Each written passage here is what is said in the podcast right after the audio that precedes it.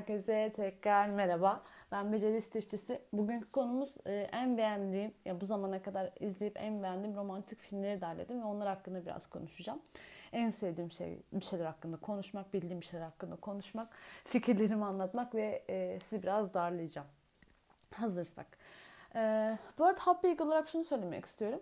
E, yeni öğrendiğim bir şeye göre elementleri taktım bu arada. Çetin Çetin Taş'ın e, Hayat Sana Anlatıyor kitabını okudum ve orada şey diyor e, toprak yani aşk ihtiyacının olmasının sebebi toprak elementinin azalmasından kaynaklıymış.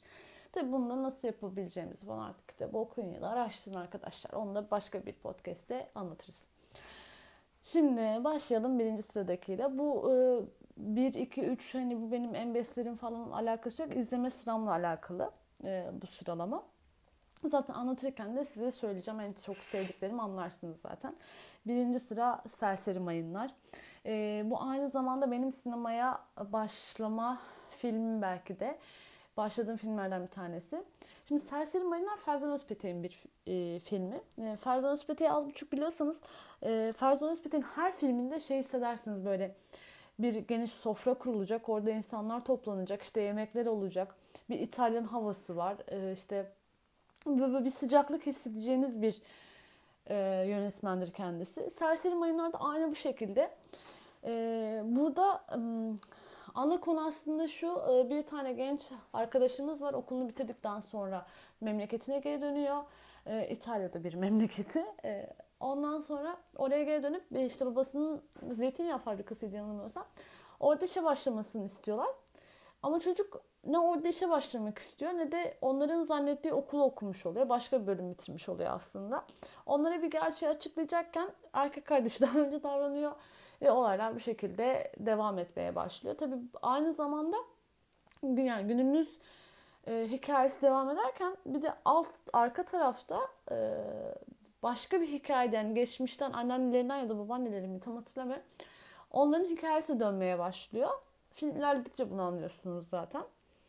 E, Ferzan Özpetek benim için e, şöyle bir yönetmen. E, hayat beni yorduğu zaman işte hafif böyle hem duygusallaşmak isteyip hem gülmek istediğim zaman işte yüzümde bir hafif bir tebessüm hissetmek istediğim zaman olan yönetmenlerden bir tanesi.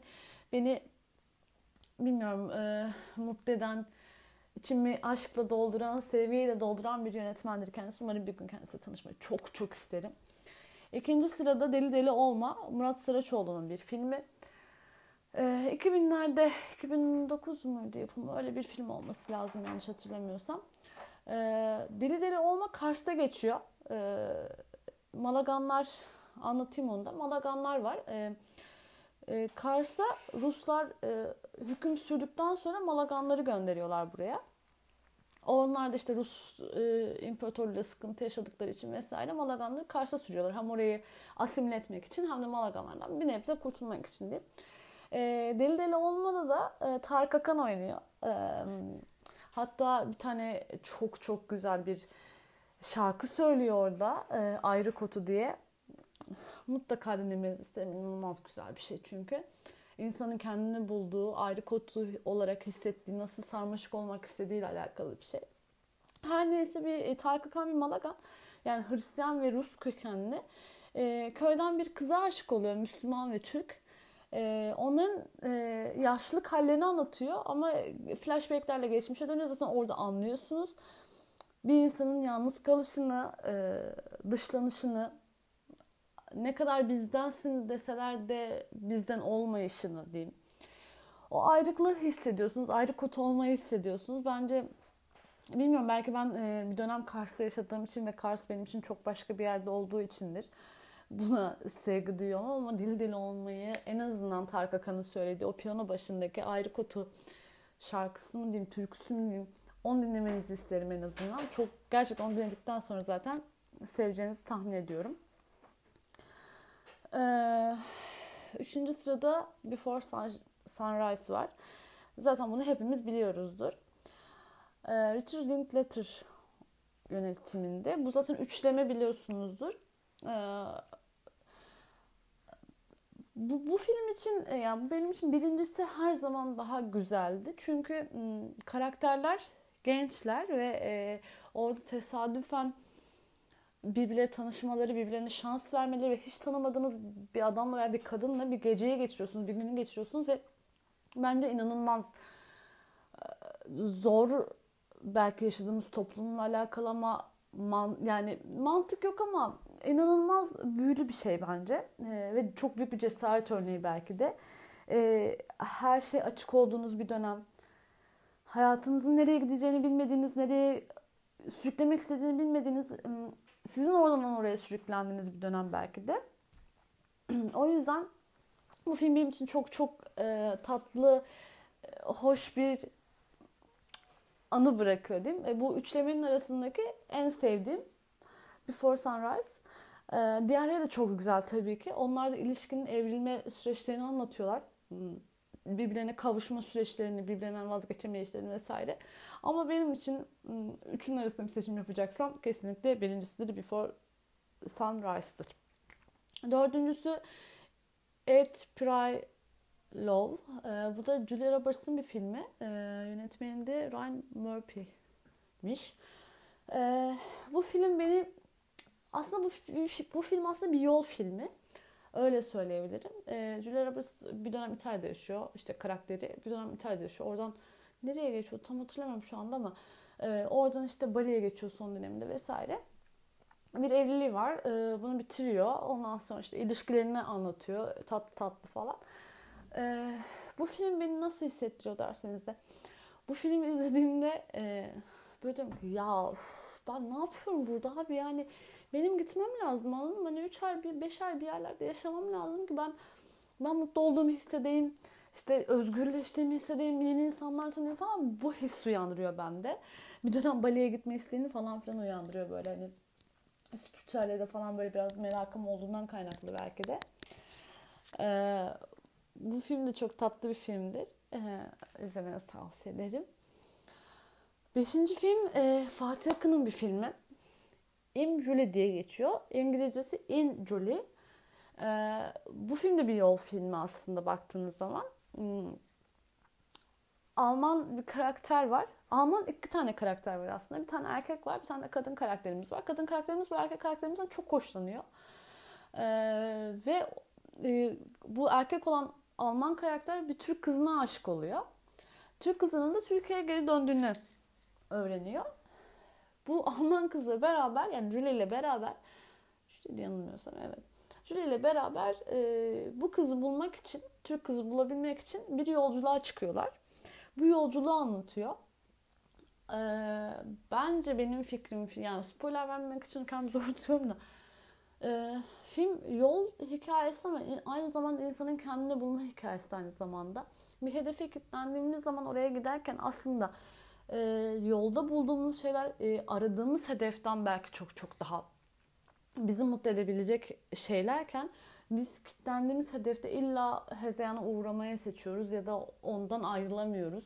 Etrafımızı göremiyoruz belki. Ee, bunları hissettirmişti bana böyle etraf yani mesela bir yolda giderken yani bunu herhangi bir şey olarak bir hedef olarak düşünün işte bir iş olarak düşün vesaire fark etmez bir yolda giderken kaptırmış giderken bazen durup nefes alıp etrafa bakmak gerektiği hissini veriyor bana bu film. Etrafta kim var ne var bunu görmemiz gerekiyor belki de. E, altıncı film Casablanca bunu hepimiz biliyoruzdur herhalde. Beni hmm, nasıl diyebilirim? Bu film o vazgeçiş, o başkası için sevginden vazgeçişin o, o çok efsane bir şey bence ya. Ee, Michael Curtiz yönetmiş bu filmi de. Bayağı eski bir film, siyah beyaz bir film zaten. Çal sen. bu repliği yani izleyenler bilir zaten. Bizim için çal falan. Ee, bu Casablanca'da şöyle anlatayım izlemeyenleriniz için. Ee, Fas'ın Casablanca şehrinde geçiyor. Ee, bu İkinci Dünya Savaşı ya, ya, yanlış bilgi vermek istemiyorum. İkinci Dünya Savaşı dönemiydi yanlış hatırlamıyorsam. O dönemde e, iki sevgili var ve bunlar ayrılmak zorunda kalıyorlar. Hmm, sürülüyor yanılmıyorsam Casablanca erkek. E, ve e, kaçıyorlar yani o Fransızlar o dönem herhalde. Kaçıyorlar ve adam e, Casablanca'ya geliyor. Oraya sürülüyor yanlış hatırlamıyorsam. Ve orada bir bar gibi bir şey açıyor ve inanılmaz işte renkli bir yer böyle çok güzel işte e, herkes orada eğleniyor vesaire falan filan. Sonra bir gün o aşık olduğu kadın geliyor. Ee, ve orada karşılaşıyorlar. Sonra spoiler vermeyeceğim izlemeyenler için. Karşılaşıyorlar ve bazı hayal kırıklıkları, bazı mutluluklar, bazı vazgeçişler, bazı beraber oluşlar vesaire. Böyle bir hikayesi var. Ee, bu da çok... Yani benim aşk tanımım sanırım e, erkek karakter, yani ana karakter gibi sanırım. Bilmiyorum. Bu film beni çok etkiliyor. Neden bilmiyorum. Belki Fas'ta geçmesinden kaynaklıdır. Ondan da emin değilim. Çünkü Doğu kültürü her zaman beni çok çekmiştir. Ee, yedinci film Üç Renk. Ee, Üç Renk serisini biliyorsunuzdur umarım. Üç renk e, mavi, e, beyaz ve kırmızı. Bu aynı zamanda bu Polonyalı bir e, yönetmenin filmi üçlemesi. İnanın filmin yönetmenini söylemeyi çok isterim ama o kadar çok ses harf var ki. E, soy ismi Kieslowski. O çok çok sevdiğim bir yönetmendir. E, bu yönetmen de şöyle e, Polonyalı ama bu üç renk yani bildiğiniz üzere mavi, beyaz ve kırmızı Fransa'nın e, bayraklarını temsil ediyor. E, yani üçünden de bahsetmek gerekirse mavide bir kadın karakterimiz var. Ana karakter ya daha doğrusu hemen hemen hepsinde kadın karakter var ama beyazda çok yok. E, Mavi'de bir e, kadın karakter var. Bir trafik kazasında eşini ve çocuğunu kaybediyor ve onun yaşadıklarını anlatıyor. Kısaca özetlemek gerekirse. Beyaz'da e, Polonyalı bir e, adam var. Fransız bir kadınla evli ve kültür çatışmaları vesaire falan filan yaşadığı kadın bunu boşuyor ve onun işte geri dönüşünü vesaire falan onları anlatıyor. Ama beni en çok etkileyen e, kırmızıdır. Neden diye soracak olursanız hiçbir fikrim yok. Yani o, onun belki renginden kaynaklı, belki kadının işte yalnız yaşayan bir karakter var e, Kırmızı filminde. E, modellik yapıyor aynı zamanda. E, karşı penceresinde bir adam aşık oluyor, adam ona aşık oluyor falan. E, onların kavuşmasının işte hayatlarıyla alakalı bir e, süre gelen bir film değil. Kısaca özetlemek gerekirse. Ama e, kırmızı yani bu filmin karakterine sanırım kendimi çok benzeştirdiğim için yani yalnız yaşayan bir kadın olduğu için herhalde bilmiyorum. Ee, kırmızı filmi bana daha çok daha tatlı daha daha bizden, daha bendenmiş gibi geldi. Belki hani diğer karakterlere kendimi koyamamış olmamla belki Kırmızı filmin en son yapılmış olması ve hani kültür olarak, e, tarih olarak daha yakın olmasından da kaynaklı olabilir. E, ama izliyorsanız kesinlikle Mavi'den başlayın ve devam edin. E, inanılmaz, yani Polonya sineması inanılmaz güzel bir sinema. Hani bazı insanlar diyorum ki benim Polonya çekiyor, onun acısı çekiyor de kimse bana böyle herkes gülüyor falan ama Polonya'nın ayrı bir e, yani filmlerinde de var bu. Hani veya toprağında da var bilmiyorum. O, o acı o kadar çok içe işlemiş ki o 2. Dünya Savaşı'nda o yaşananlar işte fakirliği hala fakir oluşu e, hala doğu olarak sayılması hala Avrupa'nın tam anlamıyla içine girememiş olması bilmiyorum Polonya beni her zaman çok çekmiştir. Sineması da ayrı güzeldir. O acıyı çok güzel işler. Ama böyle ağlak bir şekilde işlemez. Gerçekten içe işletir. O yüzden Polonya sinemasına e, giriş yapmanızı tavsiye ederim kesinlikle. Sekizinci film e, Frances Ha, e, Noah Baumbach, Baumbach, Baumbach yönetmiş. E, bu film aslında çok böyle romantik e, aşk filmi gibi diyebileceğim bir film değil. E, ama e, bu film bir kadın hikayesi aslında. Hepimizin içinde olan o kadın, o beceriksiz, işte o hiç, her şey elini yüzüne bulaştıran, her hiçbir şey beceremeyen o kadın karakter aslında hepimiz olan bir kadın karakterimiz var. Bir türlü dikiş tutturamayan, bir türlü bir işi tam rayında götüremeyen, sakar, e, yani hemen hemen hepimizin kötü özelliğini e, barındıran bir karakter ve hayatta kalmaya çalışıyor. Bir şekilde ayakta kalmaya çalışıyor. Onun hikayesi romantik midir değil midir? Hani o kişiden kişiye belki değişebiliyor ama hafif kara komedi var işin içinde. Yani ne gülerken diyorsun ki ana bunu ben de yapmıştım ya hani o sakarlık falan mesela ben kendime çok bağdaştırdığım bir şeydir. Mesela şey var onu paylaşım çok spoiler sayılmaz. Bu karakter e, bir gaza geliyor ve Fransa'ya gidiyor Amerika'dan. Amerika'da geçiyor bu film.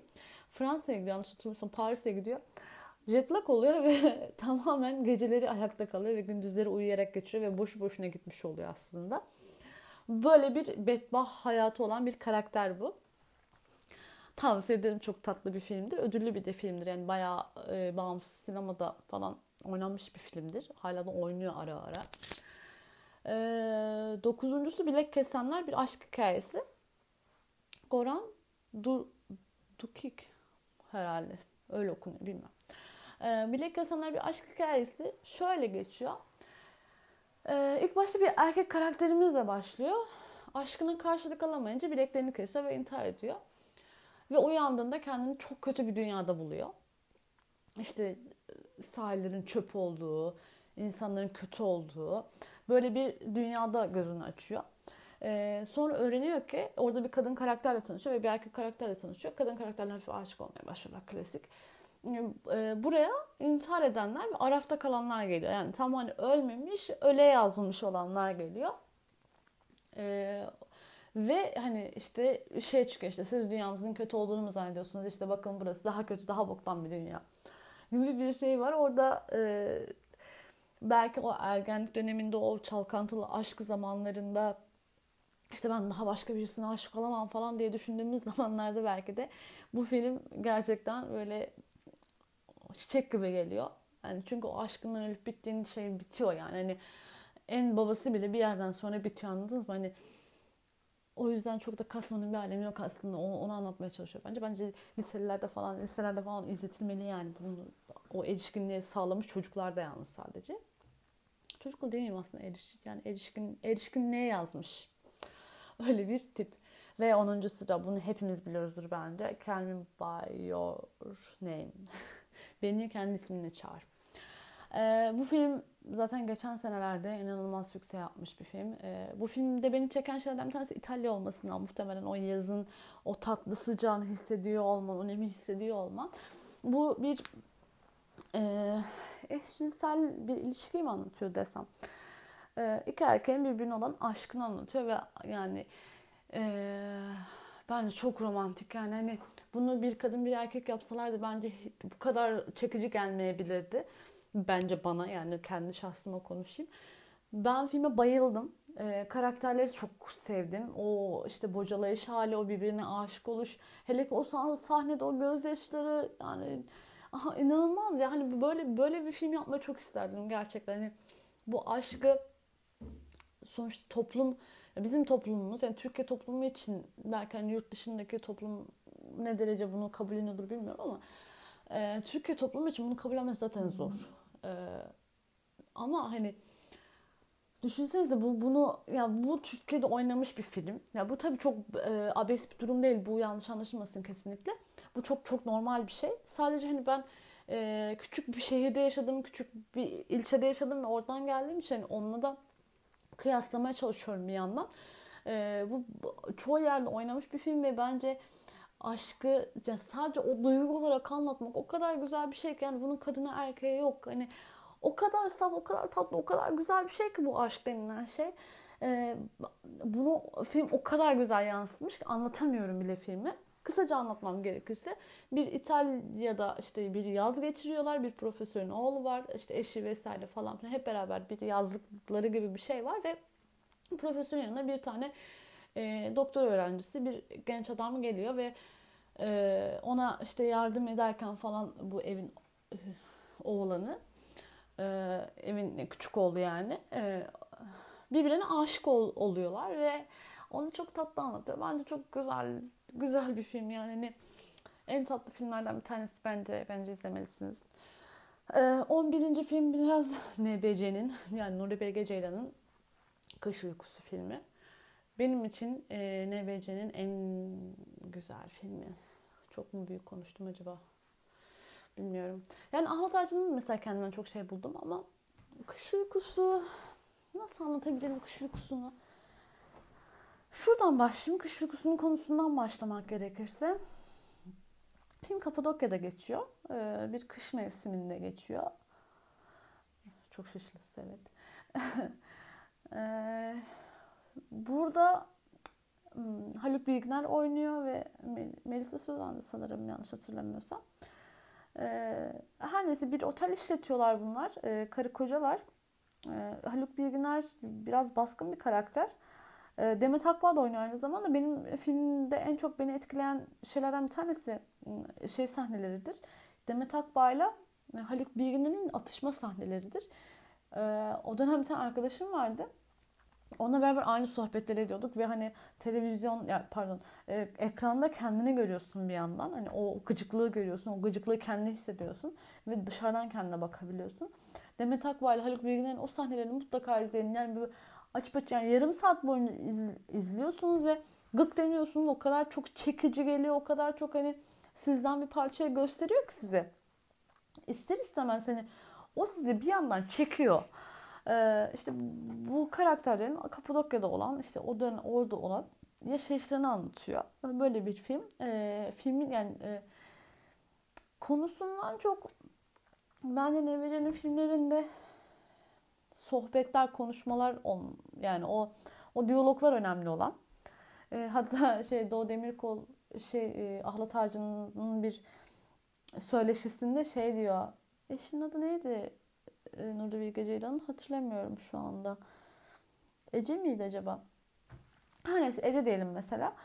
Şey diyor işte diyor ben de mesela senaryo okurken diyor Nuri abinin diyor yazdığı yeri anlayabiliyorum çünkü lapsi anlayabiliyorum ama diyor işte Ece ablanın yazdığı yeri anlayamıyorum ben diyor. Yani onu okuyamıyorum diyor zaten. Ezberleyemediğim için buraya kesin Ece abla yazdı falan filan diyorum diyor. Evet gerçekten böyle bazen karışık diyalogları var ama siz onu yani o filmin içine girince, o karakterin içine girince zaten onları her şeyi anlıyorsunuz. Kendi hayatınızda da bir yere koyuyorsunuz. O yönden bence yani ben Nebet'in en sevdiğim filmi diyebilirim Kış Uykusu'na. Evet 3 saat falan olması gerekiyor. Ama klasik yani Nuri Bilge Ceylan Cannes Film Festivali'nde bunu bile bunu ikna edebilmiş. Yani filmin normalde Cannes Film Festivali'nde 3 saat bir film olamaz anladınız mı? Hani 2 saat yanılmıyorsam. Ama Nuri Bilge Ceylan filmin hiçbirini kesmeden 3 saat boyunca oynatabilecek bir yönetmen. O kadar güzel bir yönetmen. Bence bizim de gurur kaynaklarımızdan bir tanesi. E, 12. Duvara Karşı bunu hepimiz biliyoruzdur bence.